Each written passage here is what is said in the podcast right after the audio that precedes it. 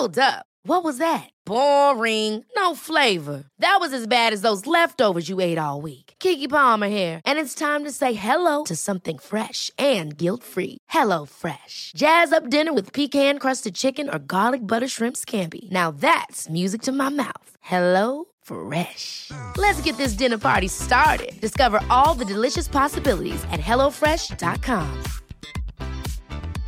I'm Sandra, and I'm just the professional your small business was looking for. But you didn't hire me because you didn't use LinkedIn jobs. LinkedIn has professionals you can't find anywhere else, including those who aren't actively looking for a new job but might be open to the perfect role, like me.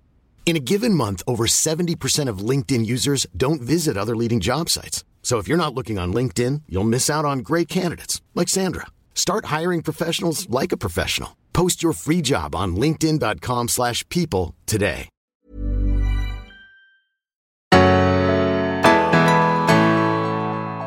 Hej och välkomna till Berätta alltid det här. Jag heter Tilda Boysen. Och jag heter Frida Boysen. Visste du att tjejer och kvinnor senare diagnostiseras med ADHD än vad killar och män gör? Ja, det känner du säkert till. För det har det skrivits en hel del om. Vi har läst både i Läkartidningen, Göteborgs universitet, Uppsala eh, universitet och ja, många, många fler har skrivit och forskat kring det här. Varför är det så egentligen? Dagens gäst kommer att berätta om sin resa, sin långa resa till att faktiskt få en ADHD-diagnos.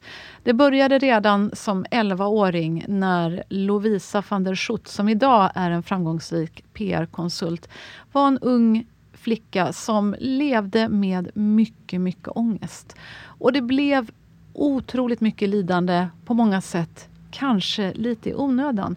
Det gör ju så mycket när man faktiskt får veta vad det är som gör att man inte mår bra. Missa inte det här otroligt viktiga avsnittet med så många värdefulla tips till hur du som är drabbad av ADHD eller ångest eller om du är anhörig till någon som har det faktiskt kan navigera till ett bättre mående idag. Välkomna till Berätta alltid det här.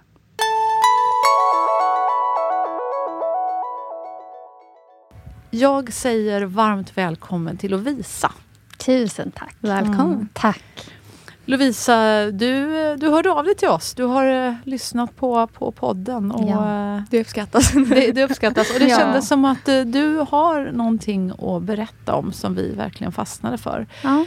Vill, vill du berätta lite grann vad, vad som hände med, med din psykiska hälsa när du första gången kände sådär att, att det var någonting som inte var riktigt hundra?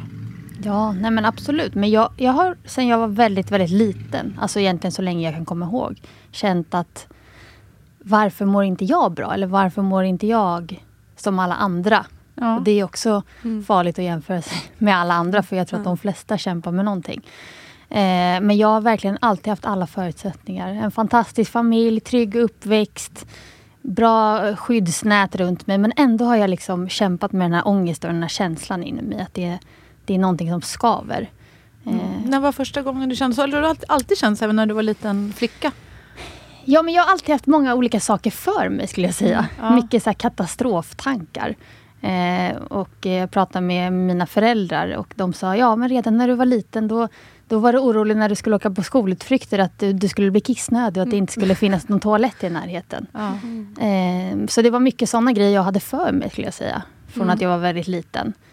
Eh, Okej. Ja. Och det, det kanske man kan känna igen sig lite till mans. Eh, Ja. sådär att, eh, men från att du var ett barn då som kanske oroade dig lite Mm. mer än, än de andra. Mm. Och du kände det att du var, stack ut lite där kanske om du jämför dig med kompisarna. Ja, och det är som sagt svårt att säga. De hade kanske också saker. Men jag Exakt. kände väl att jag... Oh, ja, men jag oroade mig mer, mycket. Liksom. Jag tyckte det var jobbigt att sova borta. Och, eh, ja, men, när jag inte hade den där tryggheten från hemmet, liksom, mamma och pappa nära, så, så var det mycket, mycket oro. Och när började det övergå till att bli ett större problem? Men jag, jag har varit i kontakt med jag var kontakt med BUP första gången också när jag var väldigt liten. Eh, också för att jag hade det här bra skyddsnätet tror jag från mina föräldrar också. Så de redan väldigt tidigt eh, tog med mig och ville att jag skulle prata med någon helt enkelt. Eh, så att jag har varit i kontakt med psykiatrin sedan jag var väldigt liten. Hur gammal var du då? Jag tror att jag var kanske 11 första gången. Eh, jag var i kontakt med BUP. Och är man i kontakt med BUP, då, är det ju ändå, då brukar det handla om ganska allvarliga problem. Ja. Eh, Mm. Vi vet ju första gången du var där till jag tyckte att du hade fruktansvärt mycket psykisk ohälsa. Men att det var liksom en Mm. fråga om liv eller död. Ja, de är lite hårda. Ja, och då var det ändå så vi här, äh, vi tycker inte det här är någon fara. Då, då, Mm. hade- då sa de, nej men du har ju bara panikångestattacker sådär 15 gånger per dag till det. Och jag bara, Ja. va? Jag visste inte ens det. Jag blev helt chockad. Nej. Och jag bara, så, men vad säger du? Hon säger, men herregud, det lät som att och BUP, eh, människan vi träffade där, hon, läkaren där, hon bara liksom typ ryckte på axlarna och sa, ja, ja men det är bara panikångestattacker 15 gånger per dag. Ja. Det, det är ingenting vi Nej, det sysslar var, med du ska här. inte vara här, du ska Nej. åka till BUM. Liksom. Ja, det- nej men och det var väl det som jag och mina föräldrar upplevde också. Att det Mm. var, eh, jag var inte tillräckligt sjuk. Eh, så att det var mycket att jag blev skickad vidare till andra mellan olika ställen. Och eh, till slut så gick jag faktiskt privat istället. ja. Eh, ja. Eh, Hur kändes det, det här att du fick som första feedback, eh, ja men du är inte tillräckligt sjuk? Ja, Men, men det är också ett mönster som jag känner har varit med mig både när jag var liten och sen nu när jag blivit äldre. Att jag inte har blivit tagen på allvar för att jag inte har... Jag har alltid fått vardagen att gå ihop. Jag, har, jag hade en period när jag gick i gymnasiet när jag inte var i skolan på ungefär en månad. För att jag kunde inte eh, gå på tunnelbanan. Jag fick så mycket panikångest. Eh, men jag klarade ändå av skolan för jag har också alltid haft det här att jag varit duktig flicka. Eh, och, presterat och både i skolan och på jobben sen också. Eh, så att jag har alltid fått vardagen att gå ihop och haft ett fungerande hem och fungerande liksom, kompisliv och sådär. Och då är det också som att nej men du, du klarar ju av det här så att då Mm. borde du klara av din psykiska hälsa också. Jag upplever att de gånger ibland jag har varit i kontakt med psykiatrin så om jag inte liksom säger att jag kommer ta livet av mig, då Mm. får jag ingen hjälp. Mm. Eh, så det har verkligen varit en återkommande att jag känt att nej men jag har nog inte blivit tagen, jag har inte blivit tagen på allvar. Nej, Eh. nej, det är ju för vanligt att det är så Ja, just i psykiatrin. Alltså att de är så kräsna på något sätt. Och det Ja. blir ofta att man anklagar sig själv på något sätt. Att, ja, I alla fall för mig, varför får inte jag ja, hjälp? Eller varför inte Ja. jag tillräckligt? Det kan vara väldigt, väldigt frustrerande. ja. Men fick du bra hjälp hos privatpsykolog som du gick på sen? Eller hur var det bemötandet? Hur kändes det? Ja, absolut. Men det är väl också en sak som jag har känt att under hela min uppväxt har jag fått så många olika diagnoser. Det har varit Mm. GAD, som generaliserat ångestsyndrom. Mm. Eh, panikångest. Det har liksom varit, man har varit väldigt snabb med att sätta en diagnos. Eh, snabb med att ge eh, medicin i form av antidepressiva. Och eh, det- du som var så ung när du sökte hjälp, Mm. eh, vad betyder det då? Hur, hur ung var du första gången du fick antidepressiva läkemedel? Jag var nog 15 första gången jag provade det. Mm. Eh, och då hade jag stått emot ganska länge. Eller eh, kanske framför allt mina föräldrar. Att Mm. de tänkte att men det måste ju finnas eh, mer hjälp att få än att man ska börja äta tabletter i så ung ålder. Sen vet jag att det hjälper väldigt många också kanske att komma upp till en nivå där man håller näsan ovanför ytan. Att det är då lättare att, att få hjälp av terapi och sådär. Mm. Eh, men, men i mitt fall kändes det som att jag bara fick den här medicinen och sen skulle jag klara mig lite själv. Eh, att det inte var så mycket medicin som sen skulle eh, hjälpa mig i någon slags behandling och sen kanske att man skulle ha en plan för att trappa ut medicinen. Utan det var så här, nu äter hon medicin, nu, nu klarar hon sig. Liksom. Och var fick du medicinen ifrån? Var det BUP eller? Ja, bo, ja, exakt. Först var det från BUP. Mm. Eh, sen har jag, det är också, tycker jag, jag vet inte hur, hur, hur du upplevt det, men att man har man får medicinen men sen finns det liksom ingen uppföljning eller ingen kontakt Nej. man har. Utan man, och sen helt plötsligt så är man för gammal för BUP. Mm. Eh, ja, ska man vända sig till vårdcentralen eller är det till unga vuxna? Det är väldigt diffust eh, Mm. många gånger. Mm. Ja, de är ofta väldigt snabba med medicin men inte jättebra på att uppfölja. Också med antidepressiva så är det ju eh, det finns ju risk att man, blir, att man går ner Mm. väldigt mycket i mån om man höjer eller börjar. Mm. Men det finns inte jättebra kontroller för att kolla dels hur det går Nej. och få en behandling Nej. i samband. Och medicin är liksom ingen lösning utan Nej. det kan ju vara jättebra som medel men Mm. det löser inte alla problem Nej. utan det måste man göra med terapi. Ja. Ja. Ja, det där, det där är någonting som vi, vi möter återkommande och som det låter som att du också Mm. har varit med om. Att, att tyvärr kanske också är för att det är en, en kostnadseffektiv lösning. Mm. Om man ska mm. säga så att det är klart piller är ganska jämförelsevis billigt. Alltså, ja. alltså ska du ha en terapeut som sitter och lyssnar och engagerar sig. Det tar ju mycket tid och pengar och kostar mycket. Men det är ju mm. hemskt att, mm. att den hjälpen ibland uteblir. Särskilt, menar, du, var, du var så ung när du sökte mm. hjälp. Det är ändå ett litet barn. Mm. När, hur var det som värst för dig när du var barn när, när var, eller ung? När var det så här, kommer du ihåg någon bild i huvudet när du bara kände att det här var, så här var det för mig? Ja, absolut. Och det var mycket av det jag kommer ihåg är ju den här perioden när jag inte kunde gå i skolan. Mm. Eh, för då kände jag mig eh, extremt misslyckad också. Att, mm. eh, här är jag bara hemma. Eh, men, och sen så kände jag, även om mina eh, föräldrar är fantastiska människor och verkligen har stöttat mig, så kände jag att jag kanske gjorde dem ledsna också, för de gjorde allt. Och verkligen försökte och de eh, betalade pengar så jag kunde gå till privata psykologer och så. Och ändå så klarade jag inte av vardagen. Mm. Och det var väldigt tufft. Vad var det för tankar i huvudet? kanske kan vara Uh, kanske ni två har lättare att förstå som båda har varit ja. i det där. Men jag tänker för, för mig, nu har jag fått öva mig mycket samtal och skrivande med dig Tilda. Men jag tänker för andra som lyssnar som kanske inte själva har varit med om det här. Vad, vad var det som gjorde att du inte kunde komma iväg till skolan? Det var som du säger ändå en månad. Mm. Och du säger ju ändå att det verkar som att du hade ganska lätt för skolan. Du säger att du mm. var en liksom, duktig flicka mm. och sådär. Så vad var det som gjorde att du inte kunde komma iväg? Men det är, väl, det är också ett, ett svår sak med ångest. Mm. Det känner säkert du igen dig Många kanske är rädda för en specifik sak. Att man är rädd för spindlar eller man är rädd för hundar och då lägger man upp ett mönster och undvika hur man ska gå för att inte stöta på de här hundarna. Men jag hade liksom jag, visste, jag var, hade ångest över ångesten till mm. slut. Mm. Att jag var så rädd för att få en ångestattack. Och det var det som utlöste ångestattackerna. Så det var ju bara en ond eh, spiral. Mm. Eh, Vad hände när du eh, fick en ångestattack? Vad kunde hända då?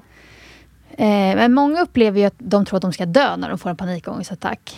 Det har jag aldrig eh, upplevt. Däremot så får jag rädslan att tappa kontrollen. Det är väl också en del av min...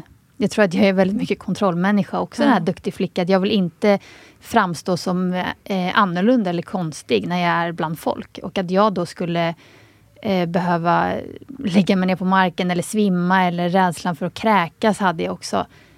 Det var liksom de symptomen som eh, jag var rädd för. Och det är också så svårt för att intellektuellt så vet man och det har man ju också blivit eh, tillsagd som man var väldigt liten att ångest är inget farligt.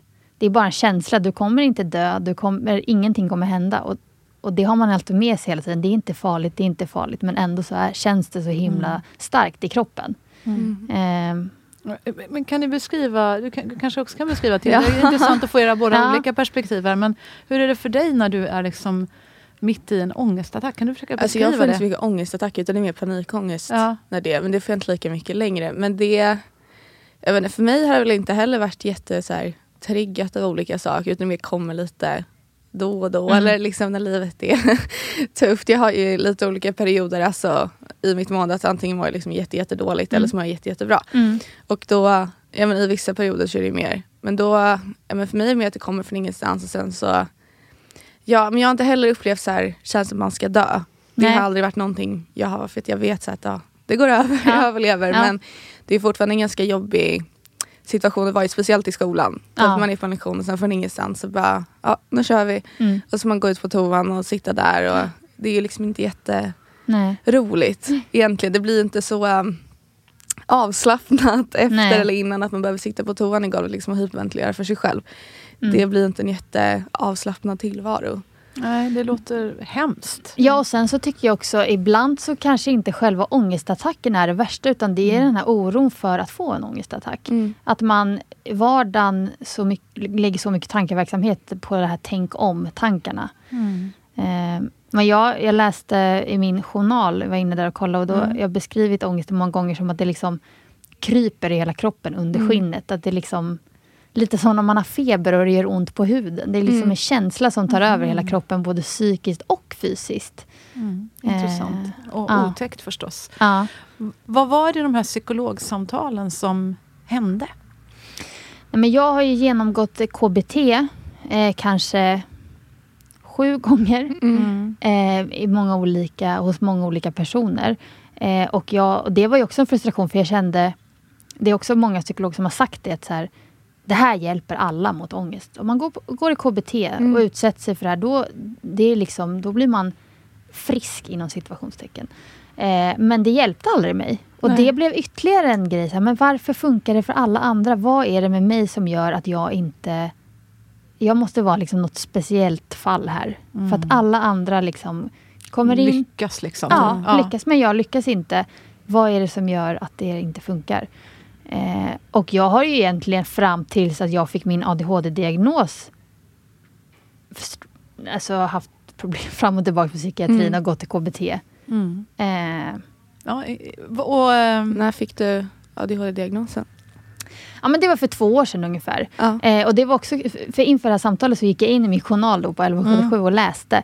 Eh, och tittade och att sen 2016 hade jag varit i kontakt med psykiatrin i olika former 26 gånger.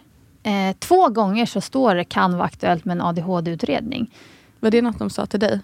Nej. Nej. Oj, vad konstigt och dumt. Ja. ja. det har jag också varit med om. Att ja. man sen, eh, nu hade inte jag tillgång till mina journaler förrän jag blev 18. Ja. Men det, det gick jag också in och läste, det är lite roligt att ja. se vad de har skrivit. Men då hade jag också varit så här, eh, men typ första gången jag var i, psyk eller, ja, i sam, eh, vet du, träffade psykiatrin, mm. då så hade de också skrivit typ kan vara eh, typ en borderline-diagnos och kan vara en bipolär diagnos. Det var liksom mm. första samtalet. Mm. Men det tog, det hade de inte en enda gång till mig förrän jag blev typ 17 år. Nej. Så det, de är lite dåliga. Jag fattar inte varför de inte gör det. Nej. För det kan vara ganska skönt för en själv. Och så här, ja, men ja. typ, det, det, då kan man också pusha på det. Att det här vill jag göra. Eller ja. få en liten uppfattning om vad det kan vara. Ja.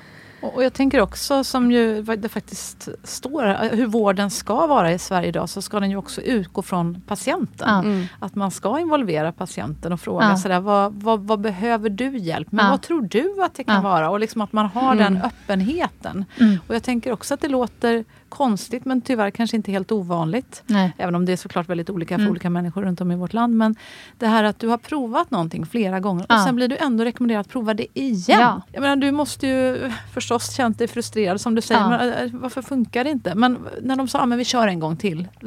Vad, sa du emot någon gång och sa men vad fan, det funkar inte för mig liksom det här. Ja, men, och jag sa emot flera gånger och, och, det är också det här att, jag, det här att man inte blir tagen på allvar. Mm. Eh, så till slut så pushade jag själv eh, och liksom tryckte igenom att nu vill jag göra en ADHD-utredning. Mm. Eh, och det var efter jag hade en, det var några år sedan då, ja men tre år sedan blir det väl, när jag hade en sommar när jag mådde extremt dåligt. Mm. Också utan anledning, jättemycket ångest. Eh, låg bara hemma och liksom mådde dåligt och visste inte varför. Och jag kände bara, nu orkar jag inte med det här längre. Och eh, även min sambo sa, nej men så här kan vi liksom inte ha det. Men vad, vad hände då? Hur kom du ur den onda spiralen den sommaren när du kände att det här är helt värdelöst, jag bara går omkring hemma och gråter, kom inte ur, ut ur lägenheten ens? Nej men det som hände då var att jag åkte till psykakuten och tänkte så här att Fick du hjälp att åka dit? Eller? Var ja, liksom, min sambo skjutsade dit Var det han mm. som sa att liksom, nu jäklar? Ja, jag kommer inte ihåg. Jag tror jag själv också. Så tänk, och jag tänkte så här, psykakuten, där måste man ju få hjälp. Mm. För att om man åker till en vanlig akutmottagning, då är det så här, om man mår så här. Mm. Om det här hade varit en, en sjukdom som man kunde åka till vanlig akut med, då hade jag kommit, fått komma in direkt och fått hjälp. Liksom. Mm. Så att psykakuten, de måste ju kunna hjälpa mig. Ja. Så då åkte ni till psykakuten? Ja. Och vart kom du då? Då kom du dit och ja. vad händer? Och där kände jag igen, nej jag blir inte tagen, jag är inte tillräckligt sjuk. Vad frågar de? Frågar om du, om, om du hade tankar på att ta ditt liv? Eller? Ja, de mm. frågar om jag tankar på att ta mitt liv. Och det är också en, en det är väl både en styrka och en svaghet kanske, men då kommer den här duktiga flickan också fram igen. Att när jag kommer dit, då tar jag mig samman lite och blir lite ordentlig och är artig mm. och trevlig och svarar mm. på frågor och liksom... Eh, ja, men jag blir liksom lite redig då. Ja, eh, egentligen borde jag ju komma dit och bryta ihop och lägga mig på golvet. Men det ska man ju inte heller behöva. Det ska ju räcka Nej. med min berättelse. Oh, Gud vad jag känner igen det där. Jag vet inte ja. hur många gånger, jag vet inte om du känner igen det Tilla, men jag har ju varit med dig ganska många gånger under eh, din uppväxt. Ja. Så, så har vi kommit till ett sånt här läkarbesök eller psykologbesök.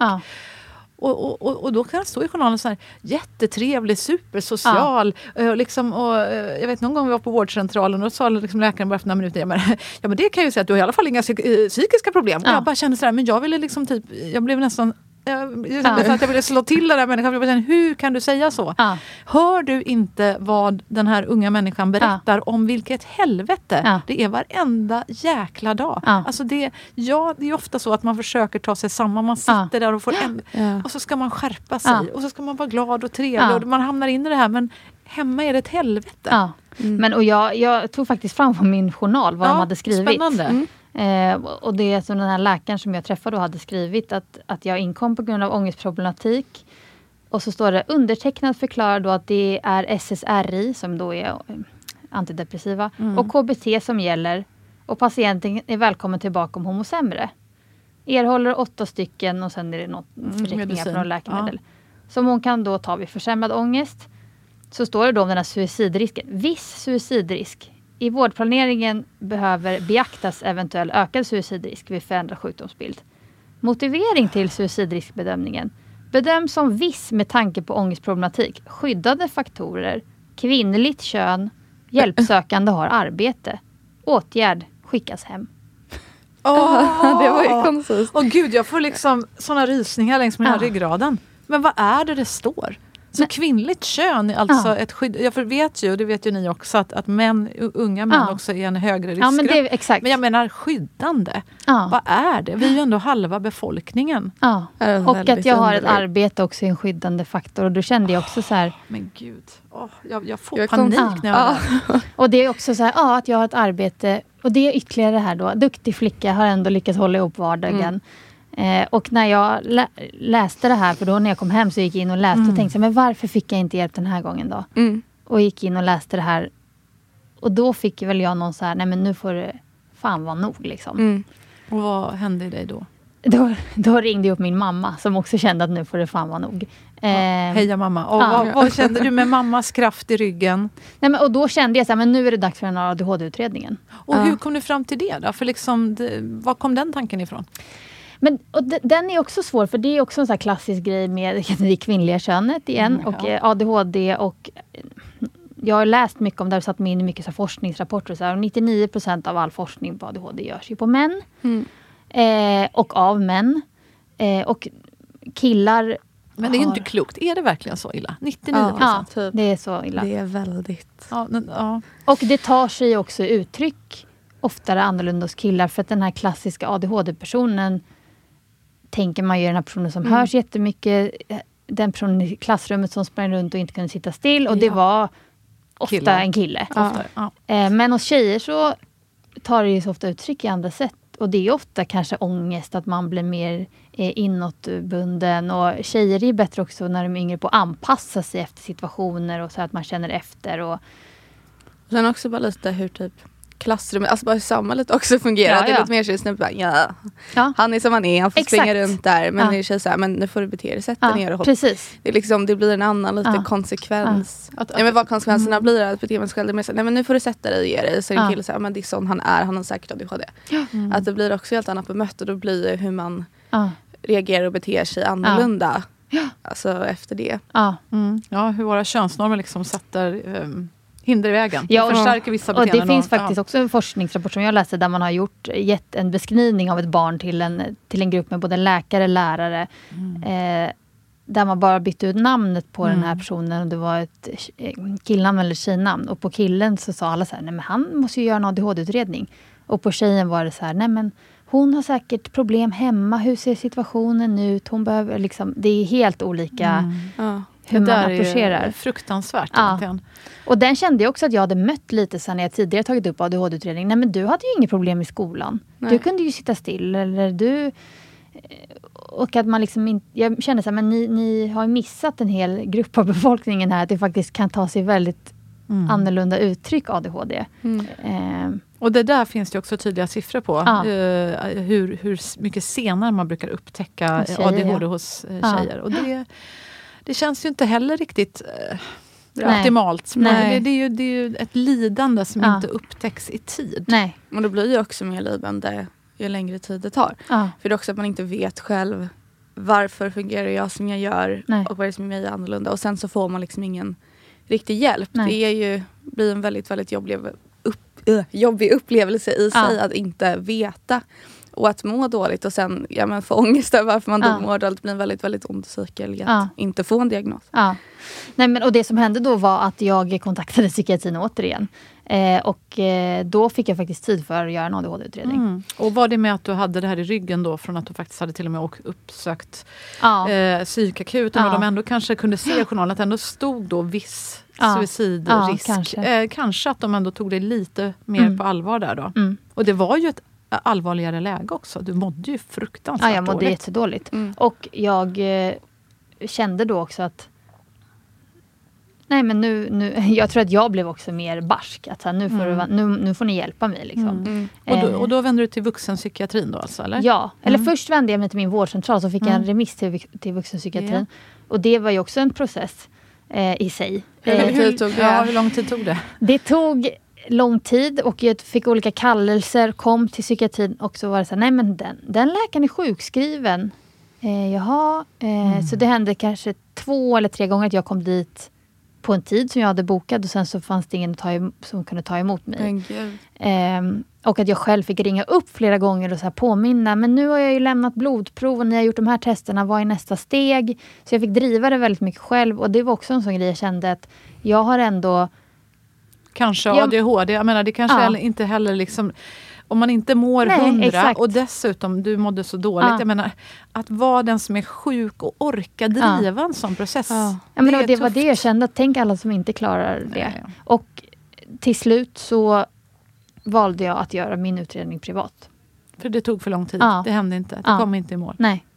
Och det är ju bisarrt. Alltså där känner man ju också att det är ju fantastiskt. Då hade du ju Mm. ett jobb och låter Mm. som stöttning hemifrån också på alla sätt genom hela ditt liv Mm. genom att det tidigare kunde dina föräldrar hjälpa till. Men det är också hemskt. Ska Ja. det vara en fråga om pengar och plånbok om du inte hade då haft råd själv att bekosta den här, för det brukar ju kosta det mer än 30 000. Ja, väl? Exakt, kostar det runt 30 000. Ja. Ja.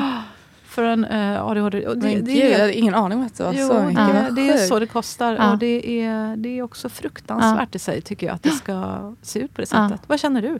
Nej, det är, det är ju hemskt. Ja. Det, det blir verkligen en fråga om, om du har råd att göra det eller inte. Om du har råd att vara frisk. Ja, liksom. exakt. har du, då, då har ju liksom allting fallit, hela Ja. vår illusion känns det Ja. som. Nästan som att vi lever fortfarande i en välfärdsstat. Där, där det inte ska spela någon roll om du är fattig eller rik, Mm. om du bor i en förort Mm. eller om du har Mm. ensamstående föräldrar, vad du jobbar som. Det ska inte spela någon roll, alla ska få hjälp. Ja. Men det Mm. funkar inte riktigt. Nej.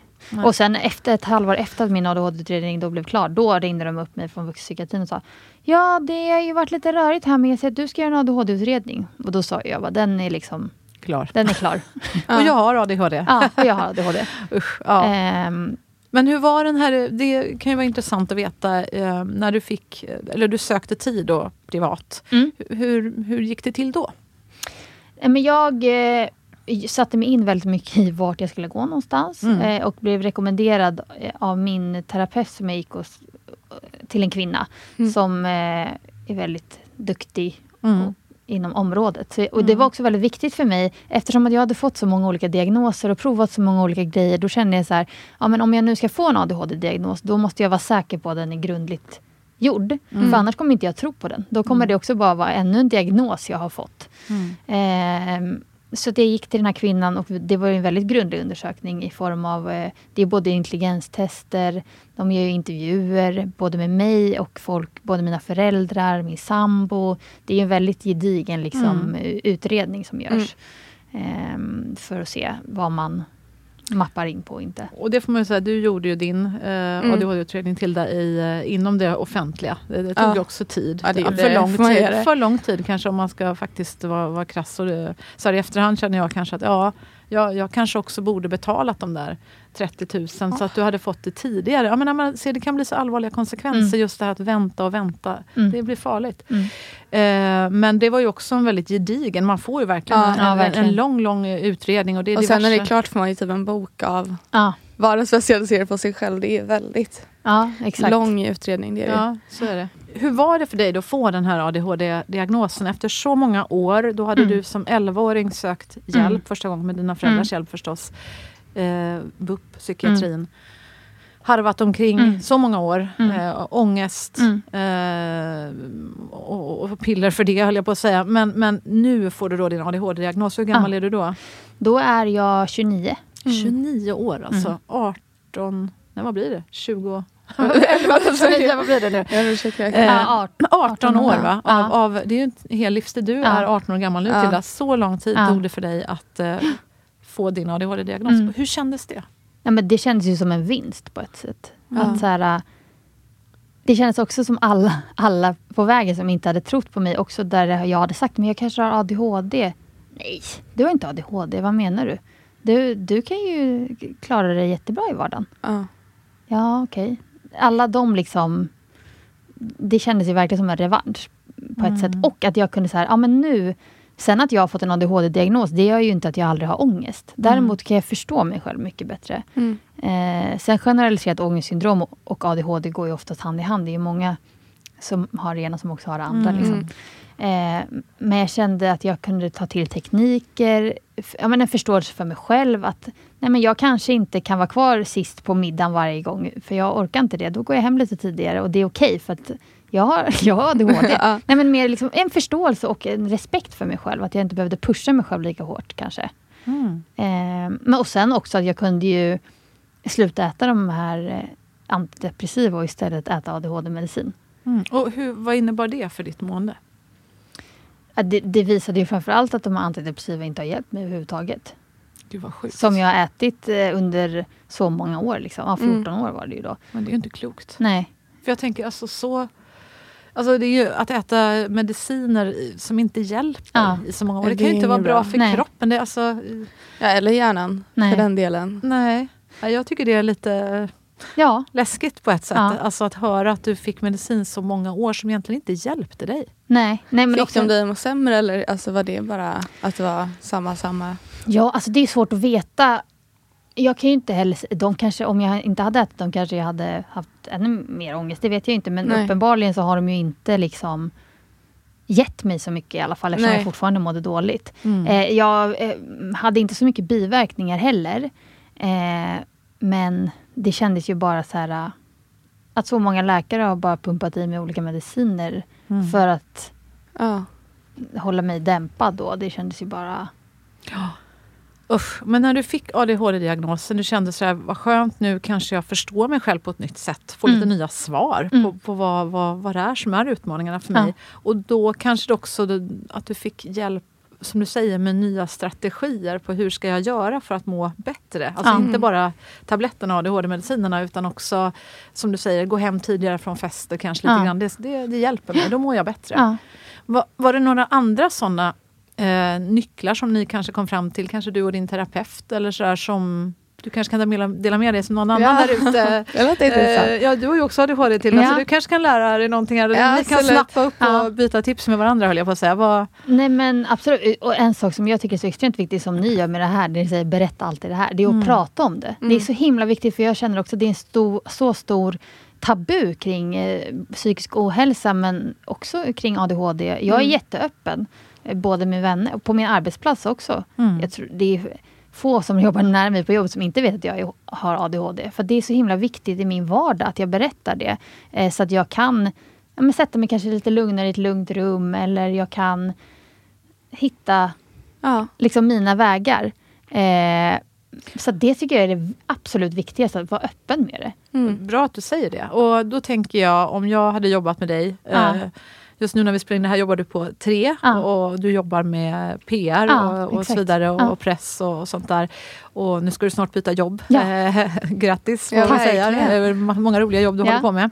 Eh, och eh, då tänker jag, om, om jag nu hade jobbat med dig, ja. eh, vad, vad är det du säger då? Du säger så här, jag har ADHD och, ja. och, och då, då, tänker jag så här, okej, okay, min, min kollega har ADHD.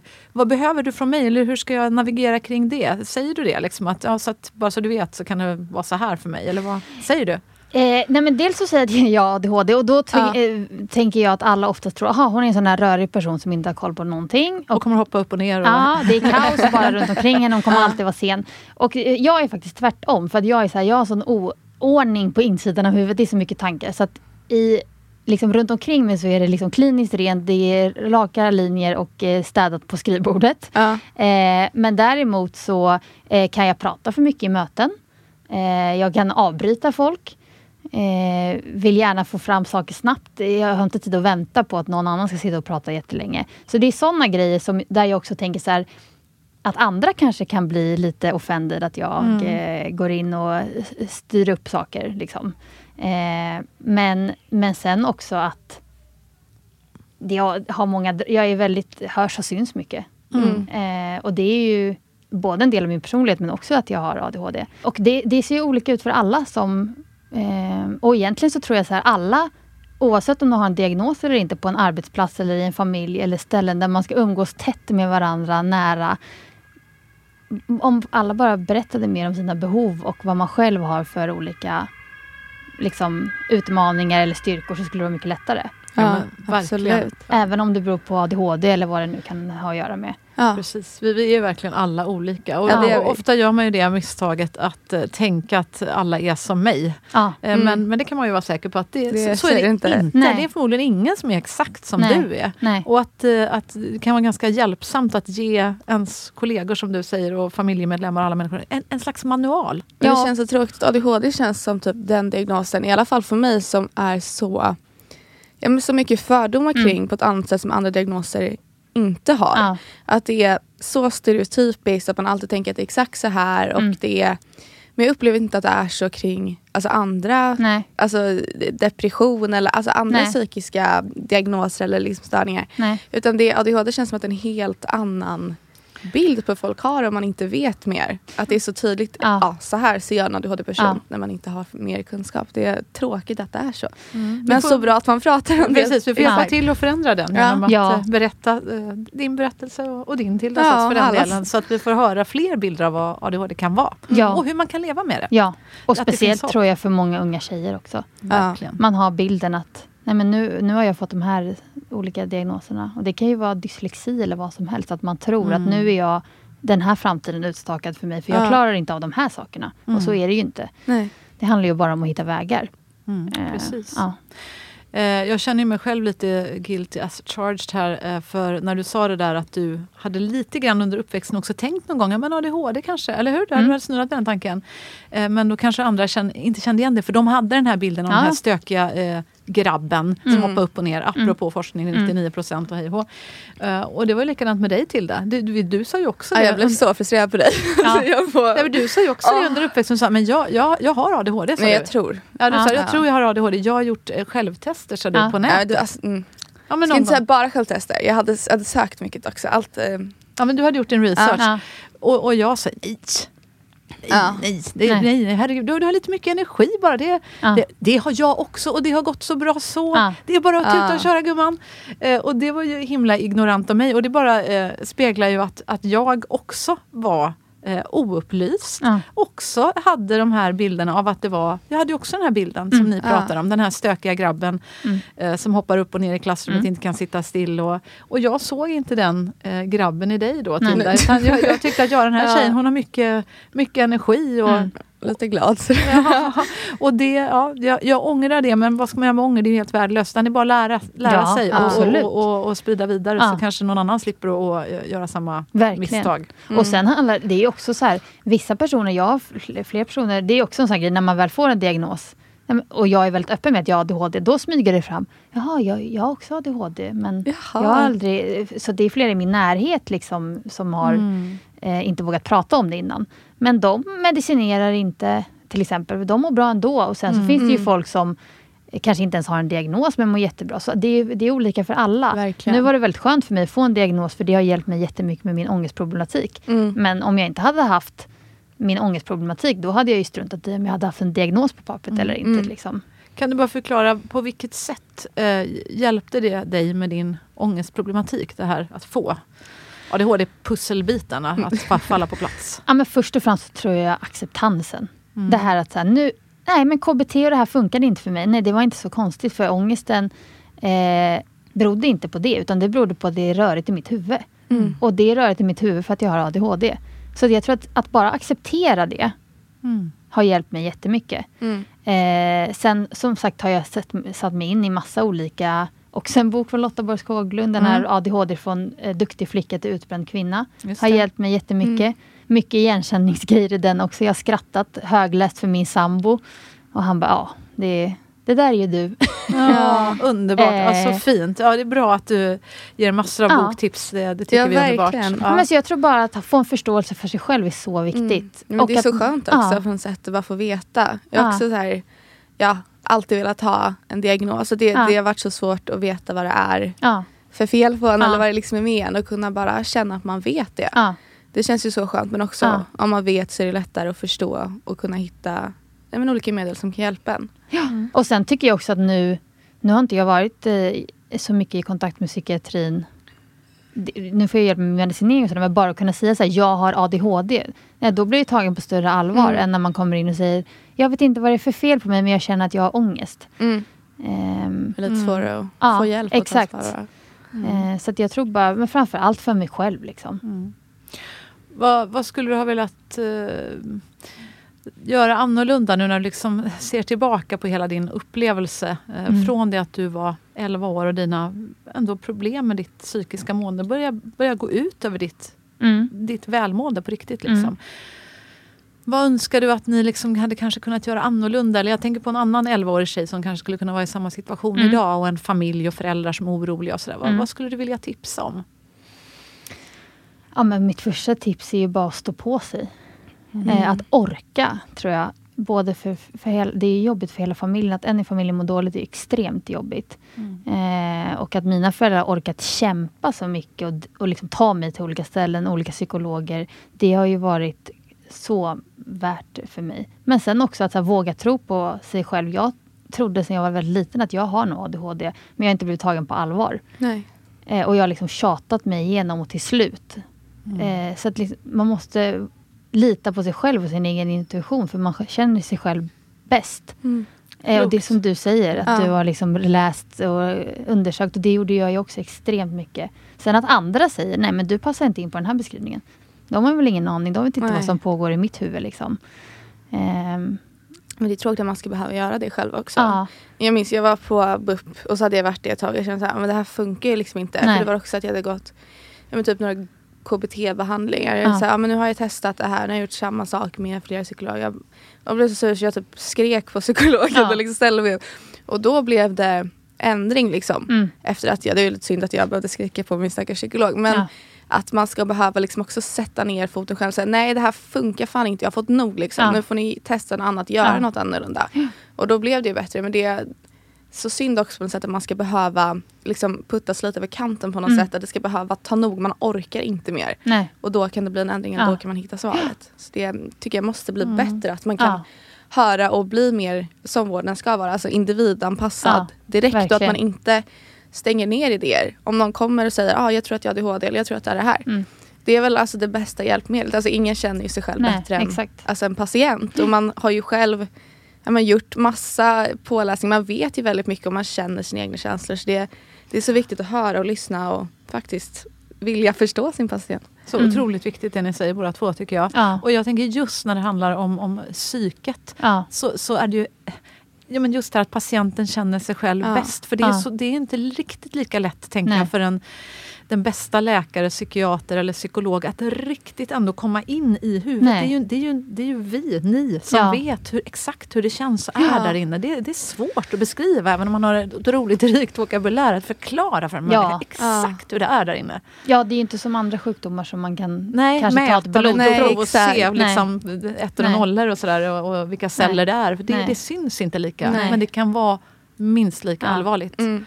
Ja men och sen återigen mitt sista tips, det är att prata om det igen. Ja. Även om det, inte, om det är ADHD eller vad mm. den handlar om. Om mm. du har mm. ångest, säg det. Nej men jag mår inte bra idag. Jag har så många vänskaper som jag tror jag har förlorat på grund av min mm. ångest. För att man har sagt, när kompisarna, ska du hänga med på det här? Ska vi dra på det här? Och istället säga, nej men jag ska nog vara hemma, jag ska nog... Man försöker hitta någon mm. dålig sak att skylla på och till slut så slutar de ringa för att nej men hon hänger ju ändå aldrig med. Nej. Istället så är det bättre att bara säga så här, nej men vet ni hörni, jag mår inte bra. Jag har jättemycket ångest och jag, ni är liksom mina jättefina vänner men jag kommer inte kunna vara med på grejer några gånger men fortsätt gärna ringa och fråga för en dag mm. kanske jag vill följa med. Mm. Eh, men det är jättefint om man ja, säger så. Man måste bra våga tips. prata om det. Ja. Det är ju inte tabu egentligen. Nej. Det är bara vi som gör det. Så, mm. Som du sa i början, det är så många som mår dåligt. Mm. Om alla bara visste vilka som mår dåligt skulle det vara verkligen. så mycket lättare att förhålla sig till. Och att prata om det. Då blir ja. det, så det kan man också tänka på att, att uh, varje människa som vågar börja prata om, om, om mm. psykisk hälsa blir ju som en ambassadör Verkligen. eftersom vi är så många. Ja. Alla människor alltså, ja. alla människor i livet kommer förr eller senare att ha psykisk ohälsa. Det är precis som att vi alla förr eller senare har fysisk ohälsa. Och det Förkylningarna pratar vi om, de syns ju mer ja, också ja. på utsidan i och för sig. Ja. Bryter vi armen och allt det där, det syns. Det är ju det som är lite utmaningen här. Men att inte vara, man behöver inte känna sig så annorlunda. Nej. För vi, vi, vet ju alla, alla vet hur det känns som ja. skit mm. inombords. Inte alla vet riktigt hur det är att Nej. ha ångest kanske på det viset som, som ni två har, har haft på olika sätt. Men, men... Det är också lättare att förstå som sagt ja. om man pratar. Det, alltså, jag och mina vänner, typ, det har jag alltid varit. Ja. Väldigt öppen för jag har liksom aldrig riktigt sett någon idé med att inte vara det. Nej. Men det är också, det hjälper ju så mycket. Mm. Det var kanske en period där jag inte sa mm. så mycket. Kanske jag, jag visste inte riktigt själv vad det var och hur Nej. jag mådde. Men när man börjar prata så blir det just att Ja, för had, säger man inte. Mm. För det har också gjort att liksom, de ringer, de ringer och ja. försöker. Om man inte ger någon respons, det är inte för att de är taskiga på något sätt. Nej. Men de är såhär, jaha, då kanske inte hon vill vara med mig. Hon exakt. träffar aldrig mig, kan liksom inte ge någonting. Och här Nej. försöker jag. Mm. Och det är klart att de slutar höra av sig. Mm. Men om man är öppen så blir det ju förståelse. Mm. Ja, jag förstår att hon mår dåligt men hon tycker om mig ändå. Ja. Mm. Och det är klart jag fortsätter ringa och det är så fint för ja. då blir det ju ja, men Alla förstår och alla vill ju bara att man ska må bra mm. förhoppningsvis. Liksom. Mm. Och det, ja, men det blir så mycket ja, men öppnare och finare och ofta en starkare relation också. Man vågar vara öppen med varandra. Verkligen. Och kunna ja, berätta hur man mår. Eh, jag tänkte, du sa sista tipset, men Lovisa jag skulle ändå vilja ha ett tips till av dig. Mm. För du låter det som att du har ganska mycket erfarenhet, mer erfarenhet än de flesta kanske, av att gå till olika psykologer. Mm. Eh, och där tänkte jag på också vad du sa om det här om att inte ge upp. Du sa att du har haft så stor hjälp av dina föräldrar mm. som verkligen har kämpat mm. för dig hela vägen. Mm. Och en eloge till dem. Ja, verkligen. Ni lyssnar där ute, ja, mamma och pappa. Vad fint att höra om, om föräldrar som kämpar. Det, ja. det är inte lätt. Nej, så, nej. Härligt att höra att du har haft det stödet. Ja. Men jag tänker vi har också försökt och ja, så gott vi har kunnat. Men, men jag vet ibland när man, när du också Tilda och jag också ibland har varit med och så man har gått till en psykolog och så känner man bara, gud det här funkar inte. Alltså man känner att den här psykologen kommer inte att gå. Nej. Att orka gå till nästa psykolog mm. och nästa mm. psykolog mm. och just känna den här besvikelsen som du också uttryckte mm. eftersom många jobbar med KBT som mm. kanske inte riktigt var rätt terapiform för dig. Nej.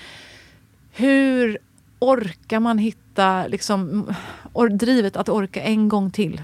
Och, och, och, hur gör man för att hitta rätt hos en psykolog? Ja, det är intressant. För, för jag tänker ja, att, att många kan nog uppleva att jag orkar inte en gång till. Jag vet att du nej. har känt så till. Att jag, jag, jag, jag pallar inte mer nu. Och jag ibland har sagt, men ska vi inte försöka? Och du bara, nej jag orkar inte mer. Nu, nu är det nog. Jag, mm. jag ger ja. upp. I give up Ralf. Liksom. Det, ja, det är typ tur att jag har er. Även fast jag är 18 så får ju ni ja, men hjälpa mig med det ibland. För jag, jag kan också känna såhär, jag orkar inte. Nej. För det, det är så tråkigt att få ja, men lite samma respons. Mm. Man har fått det i så många år. Mm. Så här, ja men fuck off på något sätt. Jag ja. orkar inte mer. Ja. Och det, det är som du också beskriver att det, man får ringa, man får hålla på, ja. man får tjata. Och då har det också varit tur att ni ofta kunnat hjälpa mig mm. med det och liksom ringa för att man orkar inte. Nej. Och om man redan är på botten liksom, och känner att jag orkar knappt gå upp på sängen eller gå ut i huset för jag ja. mår så dåligt. Och också då behöva, liksom, behöva ringa, behöva hålla på och behöva typ tjata sig till ja. hjälp. Det blir ju jobbigt och det blir också så här, varför får inte jag hjälp? Ja. Och varför, jag, jag försöker liksom, jag står på mina knän och jag bara hjälp mig. Mm. Och så får man inte det. Nej. Det är ju jättejobbigt. Så det är jättebra fråga tycker jag. Ja, Lovisa, vad är dina tips här då? Du som ändå ja. till slut kanske har hittat en bra terapeut som funkar för dig. Ja, och det tror jag också så här att ha andra runt en som orkar när man själv inte orkar. Och det kanske inte alla har. Mm. Eh, men det handlar väl också om, jag tror att vissa dagar när jag har känt att nej men jag, jag orkar inte, då har jag också tillåtit mig själv att inte orka. Det är mm. så här, nej men idag, vet du vad? Nu, idag ska jag inte lägga någon tid på det här. För det var också så perioder när jag mått väldigt dåligt. Då har jag liksom ägnat hela dagen åt att sitta och läsa. Det har varit självhjälpsböcker, det har varit olika studier, jag har googlat, jag har varit med i Facebookgrupper mm. med andra som mår dåligt. Och till slut så kan jag också uppleva att man liksom föder sig själv lite. Att ibland kanske man bara måste... Nej men idag ska jag inte hålla på med det här, utan idag ska jag titta på en tv-serie. Och så ska jag inte engagera mig själv och göda min ångest. Men imorgon tar jag tag i det. Mm.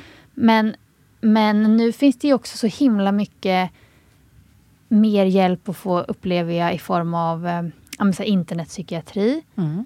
Eh, jag gick en KBT-behandling online. Mm. Nu uppenbarligen så KBT funkade inte för mig men det var en grej att jag kunde göra det hemifrån också. Mm.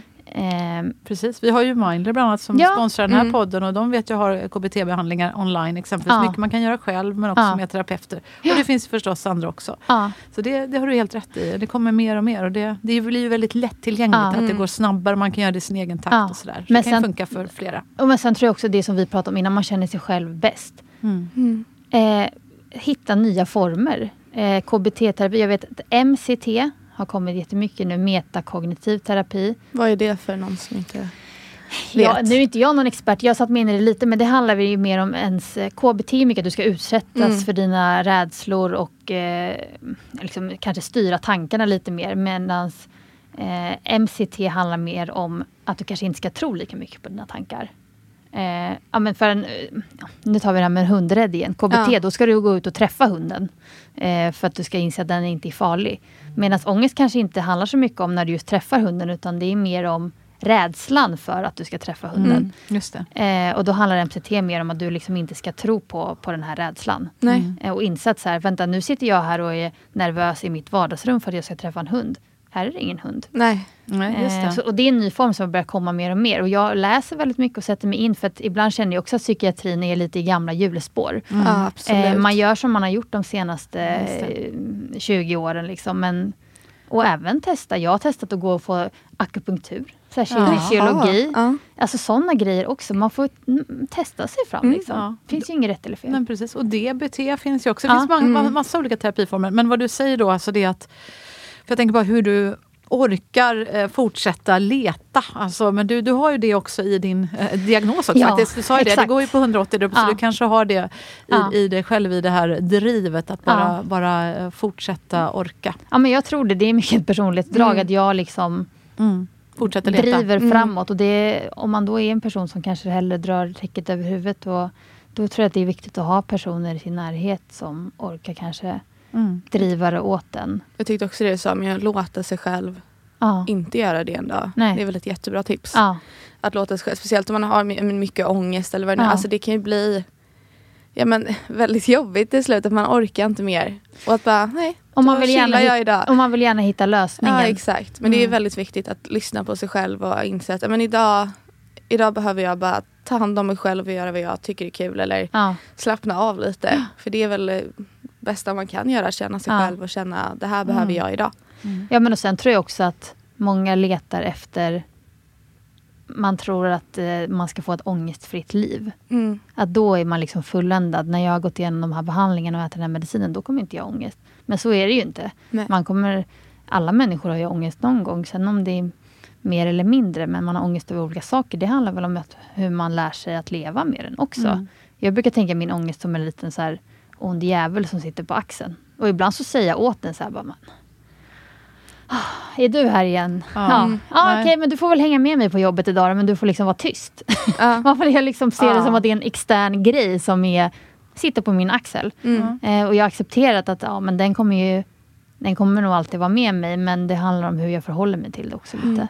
Ja, men fint med sådana bilder. Det kan jag ja. Ganska, ja, det kan, också, kan man få distans på ett annat sätt ja. från problemet. Att ja. det inte hänger över en och är liksom Nej, och att jag inte utan är min ångest. Nej, utan jag är nej. en person som ibland har ångest. Ja, men också att det, på axeln. Ja, exakt. som en ja, men att det, det är nice att kunna veta. Alltså det, det är nästan som, ja, men det är en sak liksom. Det är inte hela jag. Det kommer inte Nej. dränka mig. Liksom, att det inte det, äger dig. Utan nej, exakt. Att man kan visualisera, jag tycker det. Ja, det är bra med visualiseringar. Mm. Ja, exakt. Ja, jag sa att det var sista tipset, men ett tips till vill jag ändå ha nu, kommer jag på. Alltså till mig då, alla som är som mig, alltså mm. det vill säga anhöriga. Mm. Och, och, när man har... Det kan ju vara sambo nämnde du här mm. tidigare, eller um, föräldrar eller vad det nu kan vara för någonting, vänner. Mm. Vad, vad kan vi göra? Vad kan vi göra? Vad, vad, vad, hade du önskat? Du fick ju väldigt fin hjälp mm. av dina mm. föräldrar och, och sådär. Men ja, tips till andra föräldrar eller vänner eller sambosar där ute? Ja, men en grej är väl sluta inte ring. Nej. Mm, bra tips. Som kompis eller så här. Nej men även om du vet att nej men hon kommer nog säga nej. Eh, ring och säg bara så här, ja men vi tänkte dra hit, du får jättegärna komma om du vill. Eh, mm. Eller tjej liksom, ja men jag vet att du mår jättedåligt och det är okej, okay. du kan, du häng med och sen får du gå hem när du vill. Så mm. att man, men, mm. men sen tror jag också att en grej som jag i efterhand kan... Det är svårt att säga att mina föräldrar har gjort fel, men eh, det är att man tar ångesten också på så extremt stor allvar. Mm. Um, och jag, det var en liknelse som jag fick faktiskt av en av mina psykologer, att när jag var liten, mina föräldrar behandlade min ångest som ett, att ett skavsår var ett brutet ben. Mm. Mm. Att man försöker lindra det så mycket att man gör det större än vad det är. Eh, och det är ju jättesvårt såklart om man har någon i sin närhet som mår väldigt dåligt. Särskilt ens barn. Ja. Alltså, för det är ju mm. sånt man bara... Ja. Ja. Det, liksom man, man, man, det är så viktigt. Men, men, och de försöker komma och mina föräldrar alltid varit så att de försöker komma med lösningar på allting mm. hela tiden. ja, att man ska säga, nej men nu mår hon dåligt och hur ska vi lösa det? Och vad? Men Exakt. att man aldrig heller ska glömma, även om ångest är fruktansvärt och man mår extremt dåligt, att man, man ska inte glömma att det inte är farligt. Nej. Och det var ganska fint det hon sa, att här, om du skulle komma till dina föräldrar med ett, med ett, med ett skavsår och de började gipsa ditt ben och var så här, nej men gud, då skulle du bli mycket räddare än, ja. då gör du mycket större. Och det är ju jättesvårt såklart. Ja. ja. Men, det handlar väl också mycket om att prata om det. Så ja. att man kanske förstår. Liksom. Och, och jag tror att sprida kunskap. Ja. för, för jag, som jag sa där när, när den här psykologen, eller sa ja, ja, 15 äh, ja. ångestattacker per dag. Då tyckte jag i och för sig, men hur sjutton ska hon då klara av att gå till vara i Nej. skolan om man måste gå ut och sätta sig på toaletten så ofta? Liksom, ja. för att man, då blir det svårt att klara liksom, ja. livet. Så då tyckte jag ju att det var ganska allvarligt ändå. Ja, det, det var det ju. Det var det. Mm. Eh, men ändå, som du säger, jag tror också det handlar om kunskap. att vi, vi behöver alla, i, i alla, varenda unge och vuxen, alla vi måste lära oss mer ja. om psykisk hälsa. Förstå vad är psykisk hälsa, vad är psykisk ohälsa, vad är ångest, mm. ja. vad är ADHD? Mm. Ju mer vi pratar om det här och lär oss förstå varandra så mm. tror jag att vi skulle komma längre. Och så nu då, sista grejen. är det någonting, om du får välja en sak som du skulle önska att samhället gjorde annorlunda för mm. att utifrån all din erfarenhet och eh, alla dina, som du sa, otroligt många möten med mm. psykiatrin mm. och så vidare. Vad, vad, skulle du önska? Vad tror du skulle göra skillnad? Men jag tror att det är prata om det från tidig ålder. Kanske mm. redan i skolan. Precis mm. som att du läser om hur kroppen fungerar och anatomi. Så här, prata om hur hjärnan fungerar också. Mm. Eh, för det också, jag tror att många unga personer får så himla mycket av sin eh, eh, lärdom från sociala medier idag. Mm. Eh, det finns jättemycket bra grejer på sociala medier och, och jag har fått jättemycket eh, värdefulla råd med mig på vägen. Och till och med skratt. Ja, och skratt. ADHD, och ADHD-konton och sånt som finns. Mm. Men jag tror att samhället sprider kunskapen och att liksom få folk att förstå att det inte, folk med ångest är inga konstiga människor. Nej. Inte konstigare än oss andra. Nej. Nej, och det var det, han, Anders Hansen, hjärnforskaren, ja. han säger det att det är folk som inte har ångest, det är de personerna vi, vi borde vara rädda för. Det är de som är de mm. konstiga. Ja, precis. Eh, nej, men normalisera det. Eh, våga prata om det, alla mår dåligt. Eh, det tror jag är jätteviktigt. Mm. Också kanske att för jag tänker, det är ju jätteviktigt. Jag tror också att man ska prata om det i skolan. Ja. Men också kanske att lärare får mer kunskap. Mm. Till exempel just om tjejer med ADHD, hur mm. det ser ut. För att jag, som du beskrev innan, också varit ja, men fram tills jag ja, började må väldigt, väldigt dåligt men också varit väldigt duktig i skolan och haft mm. lätt för mig. Och, ja, men, liksom lärt mig snabbt, varit mm. ja, men, bra helt enkelt. Och då blir det ju precis som du beskriver att man förstår inte mm. symptomen och då ser man det inte på ett annat sätt. Men jag tänker om de också lärde sig mer, mm. om man pratade om det mer, då hade man ju mm. kanske inte ens behövt vara där. Då kanske man hade kunnat få hjälp när man var ja, men 11 eller 12 ja. och någon såg det. Ja, det kanske kan vara det här. Ja. Det hade väl varit hur mm. fint som helst om vi kunde öka den kunskapen och förståelsen. Ja, och sen även samhället är ju gjord för en norm. Mm. Eh, man, ska pass, man går i skolan och sen ska man börja på sin arbetsplats. Och vara öppna för att faktiskt alla inte funkar på samma sätt. Och det vi jobbat med nu, det jag jobbar på tre. Mm. Eh, att kunna anpassa det för folk som har andra behov. Alla kanske inte kan sitta i ett öppet kontorslandskap. Nej. Eh, det måste vara accepterat att man går iväg och sätter sig någon annanstans. Samma sak med jag vet folk som, eh, vi pratade med en tjej som var aut, autistisk. Och hon sa, jag kan inte gå på en arbetsintervju. För jag har jättesvårt med de här frågorna som jag ska svara på. Mm. Men däremot är hon säkert en jätteduktig på det hon jobbar med. Men hon har jättesvårt att komma in på arbetsplatser för det är inte anpassat efter den hon är. Nej. Eh, vi måste liksom vara mer öppna med hur vi anpassar saker och ting. Allt från liksom arbetssökare till ja, skolan. Och, mm. och det vet man ju själv när man var liten. De, då var det någon som gick i någon så specialklass. Mm. Och de var lite konstiga. Men de är ju alltså... Mm. Det är inte vi och dem. Liksom, Nej, det är ja. alla. Liksom. Det är olika. Ja, Exakt. Så kloka tankar ni skickar med. Just det här med både arbetsplatser, mm. skola, mm. Att vi eh, anpassar mer. Alltså att vi blir mer öppna för mm. att det måste inte se ut. Det känns som att vi har haft en, en eh, sån där, eh, ni vet när man slår ner runda grejer i runda hål. Alltså, ja. Och att alla ska vara de här runda grejerna. Men alla är inte de runda Nej. grejerna. Vissa är fyrkanter, vissa är ovaler, vissa är kryss. Uh, och vi kanske måste börja bygga ett samhälle där alla vi får plats. Ja. Både ja. i skolan och i arbetslivet. Verkligen. För det är så, så vi är, olika. Ja. Och så fint att arbetsplatsen du jobbar på tänker på det. Ja. Det borde väl alla göra, ja. tycker jag. Ja, vi får, ja, vi får man... Eh, höra mer om det. Jag efterlyser också det till podden, om, om vi har fler arbetsplatser som har ja. hittat just lösningar på det. Jag vet att jag, jag hör det från olika HR-personer och så där ute, att det, man börjar tänka på det just det du mm. lyfter. Ja. man går ju miste om så mycket, mm. så mycket personer. Samma sak om du har dyslexi. Man har ju oftast sen man var liten fått höra att om man har ett felstavat CV eller personligt brev, då är man körd direkt. Liksom. Ja.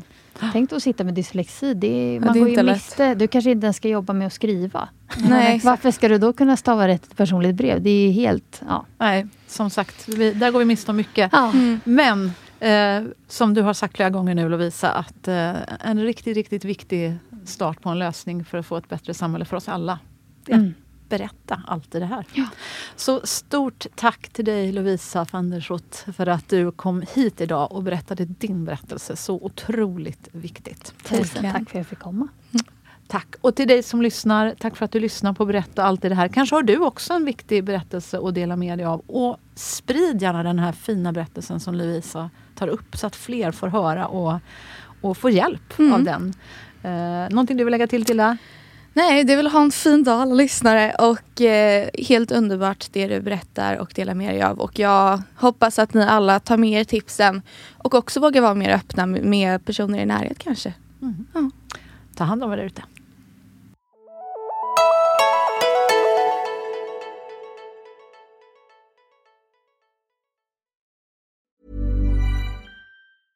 Ever catch yourself eating the same flavorless dinner three days in a row?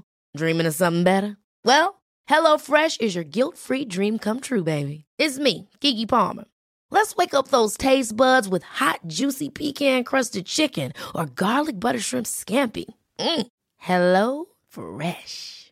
Stop dreaming of all the delicious possibilities and dig in at HelloFresh.com. Let's get this dinner party started.